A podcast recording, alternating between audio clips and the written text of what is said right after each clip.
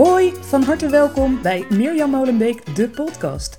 Wil jij van jouw liefde voor handwerk een succesvol bedrijf maken, maar heb je beperkende overtuigingen?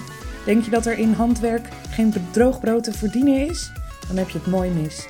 En ik ga jou in deze podcast laten horen waarom je dat bedrijf zeker kan starten of hoe je dat bedrijf kan laten groeien tot het punt waar jij het wil hebben.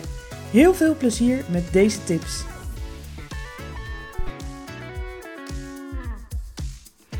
Ja, hoi. Van harte welkom bij deze eerste podcast. Wat super leuk dat je luistert. Mijn naam is Mirjam Molenbeek en in deze eerste aflevering zal ik je uiteraard wat meer over mij en mijn bedrijf vertellen, over het ontstaan van mijn bedrijf en over wat je in de komende podcasts mag gaan verwachten. Even voor de duidelijkheid, eh, de mensen die mij kennen van mirjammolenbeek.nl, mijn bedrijf Mirjam Molenbeek, deze podcast zal niet gaan over breien. Uh, ik heb een YouTube-kanaal, Mirjam Molenbeek, dat volledig gaat over ja, alles wat ik rondom mijn bedrijf doe. En dat is het lesgeven in breien voor zowel beginners als gevorderden. Dus als je me daarvan kent en je verwacht dat deze podcast nu ook over breien gaat, dat is niet het geval. Waar gaat deze podcast dan wel over? Nou, ik, heb, uh, ik ben in 2017 gestart met mijn bedrijf en uh, ik ben ook wel weer tussendoor nog een keer gestopt. Daarover later meer. In 2017 ben ik gestart met mijn bedrijf en op dat moment uh, verkocht ik handgebreide mutsjes en dat soort dingen. Uh, ik gaf ook een klein beetje live breilessen bij mij aan de keukentafel. En uh, ja, daar begon mijn ondernemerschap. En uh, dat is nu uiteindelijk 2023 een behoorlijk goed lopend bedrijf geworden. Um, ik heb begin dit jaar mijn webshop af kunnen stoten, moeten stoten. Dat liep ook super goed. Uh, alleen mijn online breilessen en de online breicampus. Nou, als je daar meer over wil weten, kijk dan even op mirjammolenbeek.nl. Uh, maar die dingen liepen zo goed. En dat vind ik ook het allerleukste om te doen, het lesgeven. Uh, daarover zo ook nog even wat meer. Uh, maar dat liep dus eigenlijk uh, super goed. En de webshop liep ook super goed. En dat ging niet meer naast elkaar. In al die jaren dat ik mijn bedrijf run, heb ik natuurlijk ook heel veel andere mensen binnen die handwerkwereld ontmoet. Um, die ook ja, eigenlijk altijd een beetje aanliepen tegen waar ik in het begin ook tegen aanliep. Namelijk die beperkende overtuiging dat er in de handwerkwereld echt niks te verdienen valt. Um, ik weet niet hoe het met jou zit, maar toen ik begon met mijn uh, bedrijf, krijg ik toch wel heel vaak de opmerking. Um, Oh ja, uh, je kindjes zijn nu natuurlijk klein en als die wat groter zijn, dan uh, zul je vanzelf wel weer aan het werk gaan. Um, in de handwerkwereld is toch geen droogbrood te verdienen. Uh, waarom ga je met je opleiding, daar zal ik zo ook wat meer over vertellen wat ik gedaan heb. Waarom ga je in hemelsnaam je baan opzeggen en in deze wereld verder? Nou, er waren heel veel uh, dingen die je dan hoort, die je natuurlijk opslaat en die een beperkende overtuiging kunnen worden. Maar de mensen die ik tegenkwam op mijn, ja, op mijn reis in dit ondernemerschap, hebben wel degelijk zulke mooie bedrijfsplannen. Hè, van mensen die uh, wol verven tot een wolwinkel runnen. Uh, ook mensen die naailessen geven enzovoort. Ik kom zoveel mensen tegen met ontzettend veel liefde voor handwerk die um, denk ik andere mensen ontzettend veel verder zouden kunnen gaan helpen. Mijn overtuiging is namelijk dat handwerken, juist in de enorm drukke uh, periode waar we in leven, ontzettend veel stress, heel veel uh, van alles op de hoogte willen en moeten blijven. Uh, op allerlei momenten en manieren komt er informatie op ons af. En waar voor sommige mensen daarin bijvoorbeeld mindfulness een hele goede oplossing is, of yoga heel goed werkt, uh, is dat voor andere mensen eerder handwerk dat heel goed kan werken met het uh, ja, je brein een beetje rust geven. En als je het vanuit die hoek bekijkt, dan uh, moet ik er ook vaak aan terugdenken dat ik kort na de bevalling van mijn oudste dochter, zij wordt inmiddels elf komend jaar, um, nou ja, hè, overvallen door het moederschap, uh, alle emoties die daarbij komen enzovoorts, werd mij een mindfulness cursus aangeraden. En ik weet nog dat op dat moment, als je tegen mensen zei, ja, ik denk over een mindfulness cursus, nou, dan werd dat gelijk gezien als heel zweverig en in de geitenwolle sokkenhoek. En nou goed, uh, de prijzen lagen toen tijd ook nog niet hoog, weet ik. Het verbaasde me eigenlijk over hoe weinig ik voor die training moest betalen.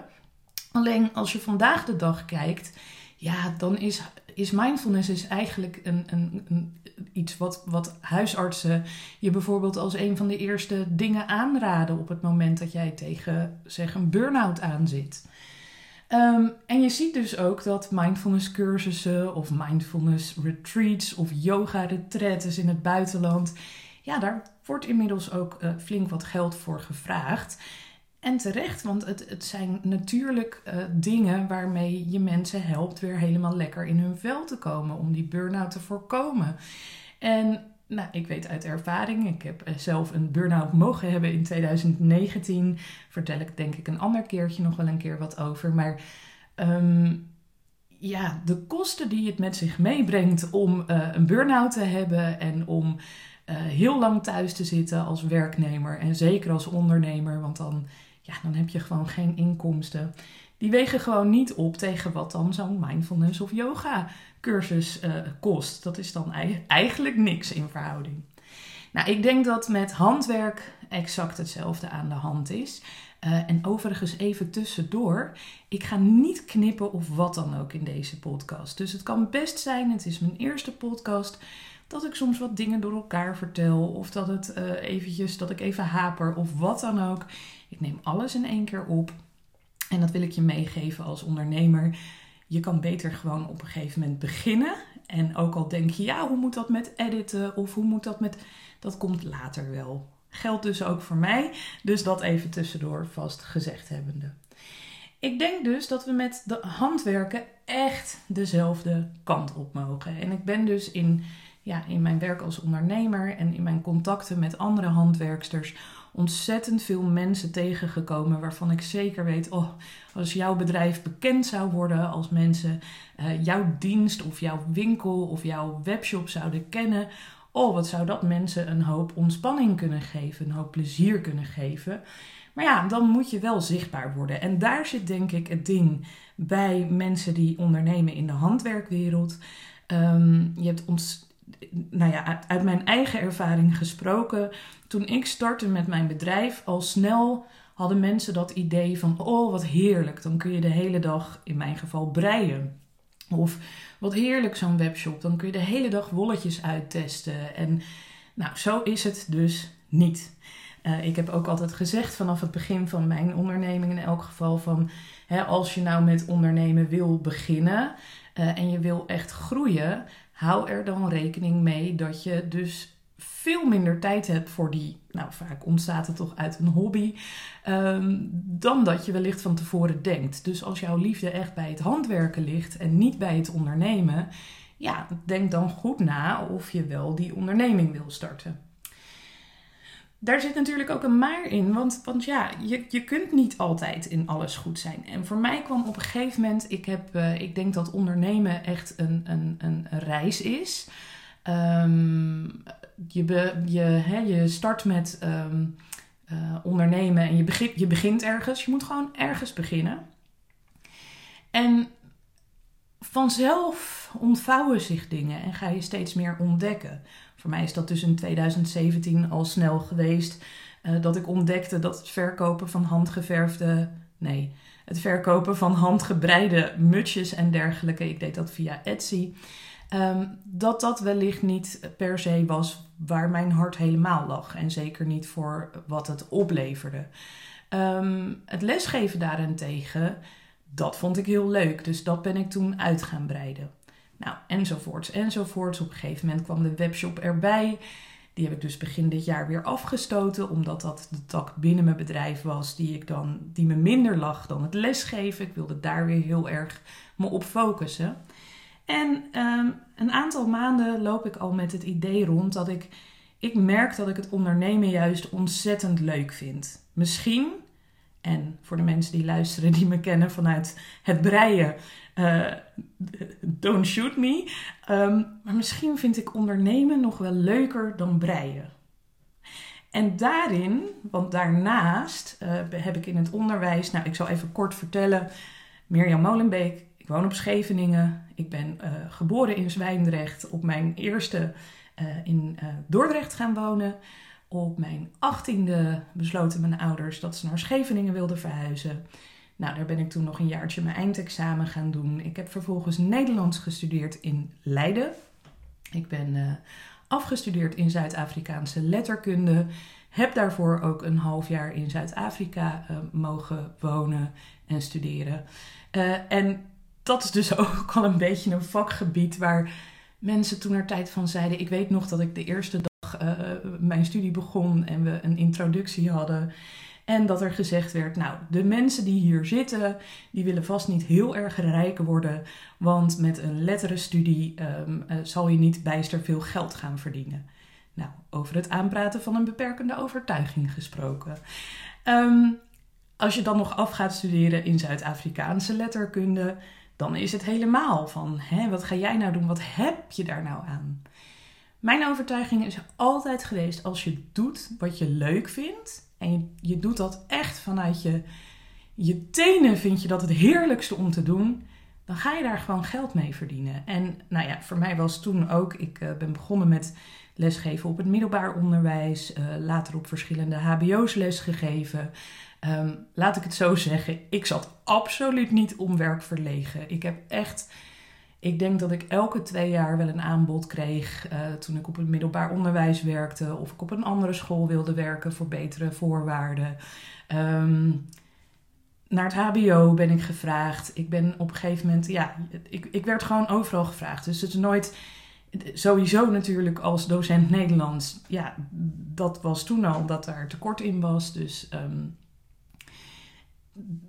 ik had genoeg werk uh, en bovendien had ik heel veel plezier in mijn werk. Dus um, het werd ook gezien dat ik natuurlijk een goede docent was. En ja, dan word je ook weer ergens weggehaald als je dat dan wil. Um, dus toen deed ik eigenlijk al dingen die, net als toen ik mijn bedrijf in de wolwereld begon, uh, dat andere mensen zeggen: nee joh, dat gaat niet lukken. Nou, het kan dus wel, kan ik je vast vertellen. Um, nou, voor mij ontwikkelde het zich dus zo. Ik, uh, ik heb inmiddels drie kindjes. Die zijn nu 10, 8 en 6. En nadat mijn derde kindje geboren was, um, ik werkte toen op de PABO, gaf ik les. Toen kwam ik terug van mijn zwangerschapsverlof. En toen merkte ik gewoon dat, um, ja, dat ik me daar compleet niet meer thuis voelde. Ik kon me niet meer vinden in beslissingen die genomen werden. Ik, ik zag gewoon dat. Um, nou ja, heel kort, maar ik, ja, ik, ik ik was het gewoon niet eens met de manier waarop uh, aankomende leerkrachten werden opgeleid. Ik denk dat daar uh, ontzettend veel winst te behalen valt. En dat, dat als dat een keer aangepakt zou worden, dat je wellicht uh, ook geen lerarentekort meer hebt. Maar goed, dat even terzijde. Ik voelde me in elk geval niet meer helemaal fijn um, op de plek waar ik zat. En voor degene die luisteren, als je in het onderwijs werkt, zit je altijd met drie maanden opzegtermijn. Ik kwam toen terug in april. En ja, het kwam er eigenlijk op neer als ik niet meer het nieuwe studiejaar in wilde gaan, dan moest ik in mei opzeggen. Dus ik had vrij korte tijd om dat te beslissen. Um, en toen op een gegeven moment, ik, uh, ja, ik, mijn grote liefde was altijd de jeugdliteratuur. Ik vind dat heel belangrijk om via jeugdliteratuur kinderen plezier te geven in taal. En vanuit daar denk ik dat je ook veel makkelijker uh, taalproblemen oplost. Begin met plezier bij alles wat je doet. En dat vak was in mijn afwezigheid geschrapt en ik moest iets anders gaan doen waar ik gewoon als docent niet achter kon staan en daar moest ik het maar mee doen. En toen heb ik eigenlijk vrij snel besloten, dat ga ik dus niet doen. Ik kom niet terug het nieuwe studiejaar. Vond het heel jammer om mijn studenten te gaan missen, maar ik, uh, ja, het was voor niemand goed geweest als ik langer was gebleven. Ik had op dat moment nog geen lopend bedrijf ik was dus wel die Etsy-mutsjes aan het verkopen. En ik, uh, ja, ik, ik gaf wat breiles aan de keukentafel. En nee, nog zo'n uh, vooroordeel wat mensen vaak hebben. We konden het niet doen op het salaris van mijn man. Verder van dat. Raad ik je nu aan om per direct je baan op te zeggen en er gewoon voor te gaan. Als je aan het begin van je ondernemerschap of als je plannen hebt om te gaan ondernemen. Nee, absoluut niet hoor. Ik uh, zal daar ook nog een keer een aparte aflevering over opnemen. Um, maar voor mij was dat op dat moment het gevoel: ik kan, ik kan gewoon niet anders. Dit, uh, ik word hier niet heel erg blij van. Um, dus ik moest er toen gewoon vol voor gaan. En, en, en ik kan je wel zeggen, vanzelf komen er ook wel dingen, ook wel keuzes gemaakt. We hebben bijvoorbeeld drie jaar geen auto gehad, we hebben de auto de deur uitgedaan. Alles waar we kosten op konden besparen, hebben we gedaan. Omdat ik gewoon echt heel erg graag voor dat ondernemerschap wilde gaan. Dat lesgeven, daar is dus wel altijd mijn voorkeur uh, in gebleven. Dus vandaar dat ik begin dit jaar ook uiteindelijk ervoor heb kunnen kiezen dat ik me puur focus op het geven van les. Maar, en nu komen we tot de conclusie waarom ik deze podcast ben gestart. Um, ik miste ergens nog één dingetje. Uh, wat ik namelijk in het onderwijs altijd ontzettend prettig heb gevonden om te doen, is het mogen coachen van leerlingen en studenten. Uh, leerlingen in het middelbaar onderwijs op basis van hè, uh, hoe ga je verder, uh, wat gaat er mis, waarom lukt je planning niet, waarom krijg je opdrachten niet af, um, blijf je op het VWO of ga je naar de HAVO, al dat soort vraagstukken. En natuurlijk ook heel veel komt er dan naar voren. Um, ik denk niet dat je ooit uh, coaching of keuzes nodig hebt of kan maken zonder ook naar jezelf als persoon te kijken. Dus er komt natuurlijk ook heel veel uh, privé dingen die spelen bij kijken, emoties enzovoort. En dat gold ook op de HBO waar ik les gaf. Daar was ik student uh, coach. En dan ga je ook kijken, nou, wat voor stage past wel of niet bij iemand. Uh, na het eerste jaar heb je voldoende studiepunten, ja of nee? Zo nee, hoe komt dat dan? Uh, zit je hier wel op je plek? Kun je beter wat anders gaan doen? Um, als je hier wel op je plek zit, maar het werkt toch niet echt, waar ligt dat dan aan? Nou, al dat soort dingen vond ik uh, ontzettend fijn om te doen. En um, ja, ik heb ook altijd terug. Ik krijg nog steeds berichten van studenten hoe prettig ze zo'n gesprek hebben gevonden. Uh, ik ben ook decaan geweest op het hoger onderwijs op een gegeven moment. Er werd gezien dat ik dat coaching toch wel erg leuk uh, vond. En uh, ja, als decaan ben je dus constant studenten aan het coachen. Dat heb ik vrij kort gedaan omdat daar gewoon wel bleek dat ik vooral te maken kreeg met studenten die aan het eind van het jaar hun studiepunten niet haalden. En dan op dat moment met een excuus kwamen. En ja, ik denk dat je uh, mensen die niet geholpen willen worden of die, die alleen maar bij je komen omdat het moet, omdat er geen andere uitweg is. Um, daar valt vrij weinig op te coachen, laat ik het zo zeggen. Um, dus dat was, was hem voor mij niet helemaal. En toen ben ik gewoon terug voor de klas gegaan en uh, gewoon weer studentcoach geworden. Dus dat eventjes, dat kwam dus samen met wat ik daar straks vertelde. Uh, al die ondernemers die ik tegenkom met die enorme liefde voor hun onderdeel binnen die handwerkwereld. Um, en ineens viel bij mij het kwartje. Het, het speelt bij mij al heel lang. Maar zoals ik zei, ik had en de webshop en de online breicampus en lessen. Um, en sinds de afsluiten van de webshop kwam er wat meer ruimte in mijn hoofd. En kwam dus ook ja, dat enorme gevoel naar voren dat ik zo graag mensen wil gaan helpen, mensen wil gaan coachen om van hun hand, liefde voor handwerk een goedlopend bedrijf te maken. En ik denk met de ervaringen die ik zowel op coachingsgebied als uh, op ondernemersgebied heb, dat ik daar heel veel in kan betekenen. Ik hoop dus ook echt dat ik, het dat ik zodanig veel mensen kan gaan helpen. Dat over tien jaar iedereen zegt: ja, dat is toch heel normaal dat je bijvoorbeeld voor een breikursus een hoge prijs betaalt. Want die cursus leert mij niet alleen breien of haken of naaien of wat dan ook. Um, maar het leert me ook genoeg ontspannen, waardoor ik een burn-out heb voorkomen. Of waardoor ik sneller uit mijn burn-out was dan gedacht. Of waardoor ik veel meer bij mijn gevoel kwam en keuzes ben gaan maken die me beter passen enzovoort. Dat is echt mijn absolute doel. Nou, mocht je het interessant vinden om hier veel meer over te weten, abonneer je dan zeker even op deze podcast. Want er komen echt heel veel meer afleveringen aan. Sinds ik voor mezelf heb besloten dat ik hiermee ga beginnen, heb ik een lijstje aangelegd van misschien al wel 20 onderwerpen die, waar ik zo van alles over kan vertellen. Um, je kunt me ook volgen op Instagram. Daar ben ik Mirjam Molenbeek Coaching. Um, en dat zijn even de twee kanalen waar ik het nu bij hou. Dus Instagram en deze podcast. Um, ik ben al begonnen. Ik, heb de eerste, ik ga met de eerste persoon in elk geval aan de slag. Ik ga de komende maanden ga ik wat pilot coaching trajecten doen. Dus dat zijn trajecten waarbij ik mensen die al zijn begonnen met een onderneming. Uh, in een aantal weken, maanden ga proberen te helpen. Nou, niet proberen, ga helpen om uh, om dat bedrijf scherper uh, te krijgen, om te gaan zorgen dat je je doelen gaat bereiken, of in elk geval helder gaat krijgen. Dat is dus één op één coaching, een pilot. Wat ik ook doe, waar ik ook uh, uh, mee wil helpen, is mensen die um, ontzettend twijfelen of een onderneming wel of niet iets voor ze is. Um, daar doe ik ook uh, gewoon losse coachingscalls voor. Daar heb ik ook nog plek voor. Dus mocht je geïnteresseerd zijn in zo'n coaching call, mocht je op het uh, punt staan dat je denkt, ja, oh joh, ik twijfel al zo lang over die onderneming wel niet doen. En ik heb daar gewoon vragen over, maar ik ken niemand aan wie ik ze kan stellen. Mail me eventjes.